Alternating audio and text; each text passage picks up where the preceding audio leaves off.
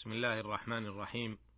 الحمد لله رب العالمين وأصلي وأسلم على أشرف الأنبياء والمرسلين نبينا محمد وعلى آله وأصحابه أجمعين والتابعين ومن تبعهم بإحسان إلى يوم الدين. أما بعد أيها المستمعون الكرام السلام عليكم ورحمة الله وبركاته. تحدثنا في الحلقات السابقة عما رواه الشيخان عن عبد الله بن عباس رضي الله عنهما أنه قال قال رسول الله صلى الله عليه وسلم لمعاذ بن جبل رضي الله عنه حين بعثه إلى اليمن إنك ستأتي قوما أهل كتاب فإذا جئتهم فادعهم إلى أن يشهدوا أن لا إله إلا الله وأن محمد رسول الله فإنهم أطاعوا لك بذلك فأخبرهم أن الله قد فرض عليهم صدقة تؤخذ من أغنيائهم فترد على فقرائهم. فإنهم أطاعوا لك بذلك فإياك وكرائم أموالهم واتق دعوة المظلوم فإنه ليس بينها وبين الله حجاب. وعرفنا ما في هذا الحديث العظيم من فوائد وأحكام مهمة تتعلق بالزكاة والصدقة. وفي هذه الحلقة نتحدث عما رواه الشيخان عن أبي سعيد الخدري رضي الله عنه أنه قال: قال رسول الله صلى الله عليه وسلم: ليس فيما دون خمس أواق صدقة ولا فيما دون خمس ذود صدقة ولا فيما دون خمسة أوسق صدقة.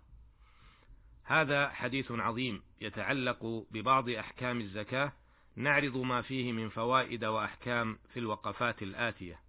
الوقفة الأولى جاء في الحديث قوله صلى الله عليه وسلم ليس فيما دون خمس أواق صدقة.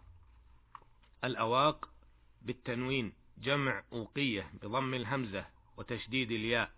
ومقدار الأوقية في هذا الحديث يعادل أربعين درهما بالاتفاق. والمراد بالدرهم الخالص من الفضة سواء كان مضروبا أو غير مضروب. سواء كان مضروبا أو غير مضروب. قاله ابن حجر رحمه الله.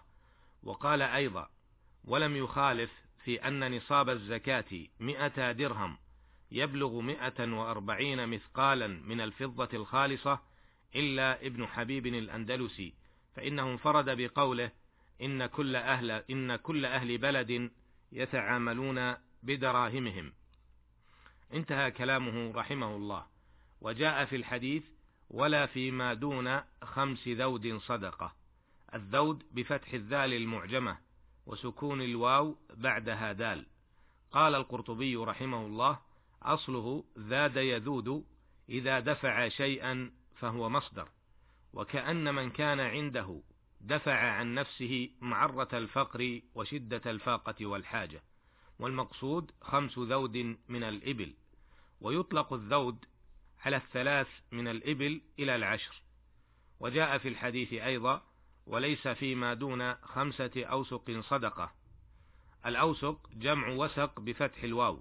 قال ابن حجر رحمه الله وهو ستون صاعا بالاتفاق. ثم قال ولم يقع في الحديث بيان المكيل بالأوسق. لكن في رواية مسلم ليس فيما دون خمس أوسق من تمر ولا حب صدقة. وفي رواية ليس في تمر ولا حب صدقة حتى يبلغ خمسة أوسق. انتهى كلامه رحمه الله. والمراد هنا والمراد بالصاع هنا هو الصاع النبوي.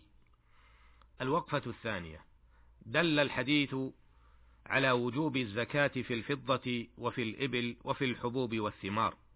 وحدد الحديث الحد الأدنى من النصاب الذي إذا توفر عند مسلم وجب فيه الزكاة. فصاحب الفضة لا تجب عليه الزكاة حتى يبلغ ما عنده منها خمس أواق وهي مئتا درهم من الفضة الخالصة.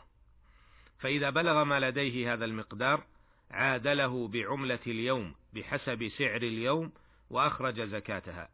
وصاحب الإبل لا تجب عليه الزكاة حتى يكون عنده خمس فصاعدا وما دون ذلك ليس فيه زكاة. وصاحب الحبوب والثمار لا تجب عليه الزكاة حتى يكون عنده ثلاثمائة صاع من الصاع النبوي. أما إذا قل عن ذلك فليس فيه زكاة. الوقفة الثالثة. لم يحدد الحديث مقدار ما يخرج من الفضة أو الإبل أو الحبوب والثمار. وقد حددتها نصوص أخرى. فالذي يخرج من الفضة ربع العشر أي بما يعادل اثنين ونصف في المئة. فإذا كان لدى المسلم ألف ريال مثلا وحال عليها الحول يخرج منها صاحبها اثنين ونصف المئة أي ما يبلغ خمسة وعشرين ريالا وهكذا. أما ما يخرج من الإبل فإذا بلغت خمسا أخرج صاحبها شات وإذا بلغت عشرا أخرج شاتين وفي الخمسة عشر ثلاث شياه وفي العشرين أربع شياه قال الموفق ابن قدامة رحمه الله وهذا كله مجمع عليه وثابت بسنة رسول الله صلى الله عليه وسلم. فإذا بلغت خمسا وعشرين ففيها بنت مخاض وهي ما بلغ عمرها سنة. سميت بذلك لأن أمها قد حملت في الغالب والماخذ الحامل.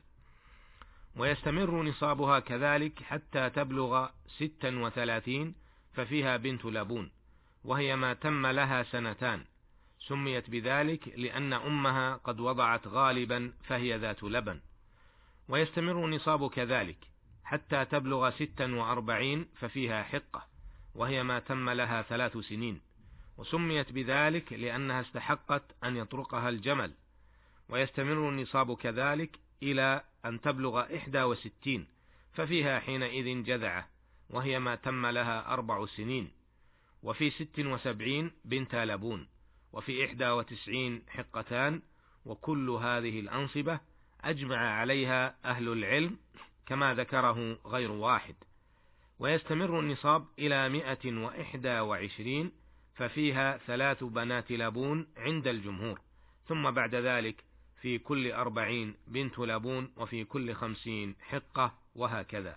أما الحبوب والثمار فيختلف ما يخرج منها بنوع ما تسقى به فإن كانت تسقى بكلفة كالسواني والرشاشات اليوم ونحوها ففيها نصف العشر وإن كانت تسقى بلا كلفة كما يسقى بماء الأمطار أو الأنهار أو العيون الجارية على وجه الأرض ففيها العشر. الوقفة الرابعة. ذكر في الحديث أن نصاب الزروع والثمار خمسة أوسق وتبلغ ستين صاعا. وهذا هو رأي جمهور أهل العلم ولم يخالف في ذلك إلا أبو حنيفة رحمه الله. فقال تجب في قليله وكثيره لقوله صلى الله عليه وسلم فيما سقت السماء العشر فلم يحدد نصابا. لكن ذكر الجمهور أن هذا مقيد بما ذكر في حديث أبي سعيد الخدري رضي الله عنه هذا. الوقفة الخامسة. لم يبين الحديث متى تخرج زكاة هذه الأشياء لكن قال ابن حجر رحمه الله أجمع العلماء على اشتراط الحول في الماشية والنقدين دون المعشرات. انتهى كلامه رحمه الله. أيها المستمعون الكرام تفقهوا في دينكم واتبعوا شريعة ربكم تفلحوا في الدنيا والآخرة.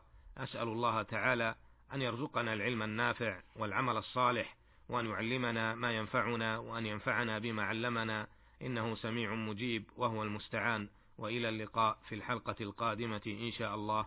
والسلام عليكم ورحمة الله وبركاته.